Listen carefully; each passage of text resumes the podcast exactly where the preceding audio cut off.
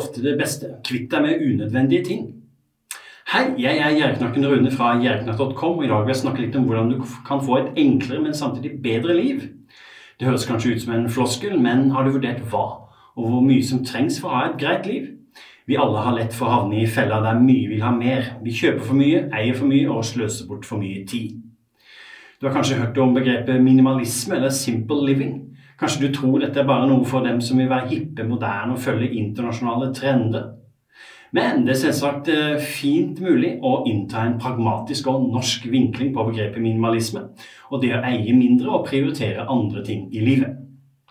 Mange kaller seg minimalister fordi de vil vise motstand mot en konsumorientert livsstil, mens andre gjør det pga. personlig smak eller økonomi. Hver gang du rydder på loftet eller i kjelleren for å selge unødige ting på Finn eller gi bort et loppemarked, eller velger å gå forbi butikken der du kunne ha kjøpt noe bare fordi det er på salg, gjør du egentlig et godt grep for å unngå å drukne i ting. Det er for meg minimalisme på norsk. Den samme minimalismen gjennomfører du enkelt på kjøkkenet når du blir flinkere til å lage gode og varierte middagsretter av få basisvarer. Så slipper du en hylle med all verdens krydder og ingredienser som du svært sjelden bruker, eller trenger, eller et kjøleskap som er så stappfullt at du ikke ser skogen for bare trær. La meg komme med sju kjappe tips til hva du kan gjøre for å gjøre hverdagen bedre, og attpåtil være snill med miljø og lommebok. Tips 1. Færre klær og mer plass i skapet. Seks svarte dongeribukser, 25 par sokker og 14 T-skjorter, men folk flest har uansett bare noen få yndlingsklær som brukes. I tillegg har mange av oss en masse klær som ikke passer lenger, eller som du ikke liker å bruke lenger. Kanskje du har så mye i skapet at du blir rent stressa. Hva i alle dager skal du kle på deg? Kanskje det er på tide å rydde ut alt av unødige klær, så kanskje du opplever litt mindre stress om morgenen. Selg unna eller gi bort det du ikke har bruk for sjøl. Tips to spis mindre søtsaker, nyt mer. Dersom du hadde ført husholdningsregnskap, ville du kanskje sett at du kjøper ganske mye søtsaker.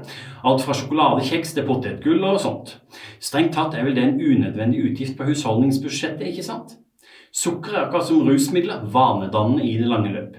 Er du blitt vant til å spise litt sjokolade hver dag, er det enkelt å ta litt mer enn man egentlig skulle også. Etter hvert dreier det seg kanskje ikke lenger om nytelsen av noe søtt, men faktisk å stille sulten. Da er man på farlige veier. For mye godis koster penger, er usunt og gjør ikke akkurat lykkeligere i særdeleshet når en tar steg på vekta. Det der vet jeg alt om, dessverre. Bytt ut godisen med sunnere alternativer, så vil du etter hvert merke at det går an å kose seg med frukt, nøtter og sånt også. Like greit å stryke godisen fra neste handleliste, kanskje. Det du ikke har i hus, kan du heller ikke spise. Tips tre la bilen stå med bevegelse istedenfor. De fleste av oss sitter altfor mye. Jeg har lest et sted at folk tilbringer sju-åtte timer hver dag i sittende posisjon. Det er neppe godt for ryggen og sjela attpåtil. Den enkleste måten å lure med bevegelse inn i hverdagen og samtidig spare penger og miljø, er å bruke bilen mindre. Finn fram sykkelen, sparken eller ta beina fatt. Selvsagt finnes det utallige unnskyldninger for å hoppe inn i bilen, men du skal være sterkere enn som så. Tips fire spis mindre kjøtt, heller mer grønt. Det finnes en rekke grunner for hvorfor man bør begrense kjøttspisingen, men ingen ønsker å ta gleden ved et godt måltid fra noen som helst. Men kanskje du og din familie kan bli litt mer bevisst på å bruke mer grønnsaker i maten? Det er bra for både helsa og miljøet. Ingen forlanger at du skal bli fullblodsvegetarianer eller vegan. Tips fem handle mindre og få mer tid. Når jeg tenker på alle folka som strømmer til kjøpesentrene, ikke minst før jul og andre helligdager, husker jeg sjøl at det ikke var annerledes for en del år tilbake. I dag er handlelista mi mitt mantra. Jeg handler matvarer én gang i uka og samler opp andre gjøremål, sånn at jeg ikke bruker unødig med tid i andre forretninger. Vindusshopping og hyllevandring interesserer meg ikke lenger, og det merker også lommeboka. Tips 6. Mindre skjerm, mer avslapping. Husker du hvor mye vi så på TV i gamle dager? Nå har vi bytta ut TV-skjermen med PC, nettbrett eller mobiltelefon. En masse tid går mer eller mindre til spille, og jeg tviler på om kroppen vår setter pris på det. Særlig hvis du har en jobb hvor du tilbringer mye tid foran en skjerm, kan det være smart å gjøre noe helt annet når du ikke er på jobb. Bruke naturen, lese en bok eller aktivisere deg sammen med andre i familien. Tips 7. Eie mindre, lev mer. Når en kommer opp i åra, sånn som meg, så har jeg inntrykk av at mange måler lykken i hus, hytte, bil, båt og sånt. Men etter hvert tror jeg at jo mer vi eier og karer til oss, jo flere plikter og mer stress legger vi opp til. Jeg bor i en typisk hyttekommune, og på fredager og søndager anbefaler jeg ingen å sykle eller gå tur langs hovedveien her hos oss.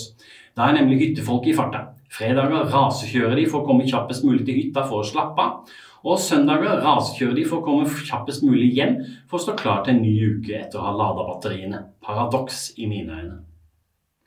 I romjula tok jeg meg en tur på loftet og henta ned en masse greier som jeg la ut på Finn. Det gikk ikke lange tida før jeg fikk kvitta meg med alt, til glede for kjøperen og ikke minst for sparegrisen min, som fikk litt ekstra fôr. Og jammen får jeg en god følelse av å eie mindre også. Sakene jeg solgte, har støva ned på loftet i mange år uten at jeg har hatt noe bruk eller glede av dem. Det enkle er ofte det beste, og hver og en av oss må finne den beste veien til lykke. Det er jo heller ikke sånn at alle tips må følges til punkt og prikke for at du skal ha det best mulig. Et lite steg i den riktige retningen er jo bra, det også. Takk for meg. Dersom du likte dette innlegget, håper du har lyst til å ta en titt på nettsida mi, jerriknatt.com, og ellers følg meg på sosiale medier som YouTube, Facebook, Snapchat og Instagram.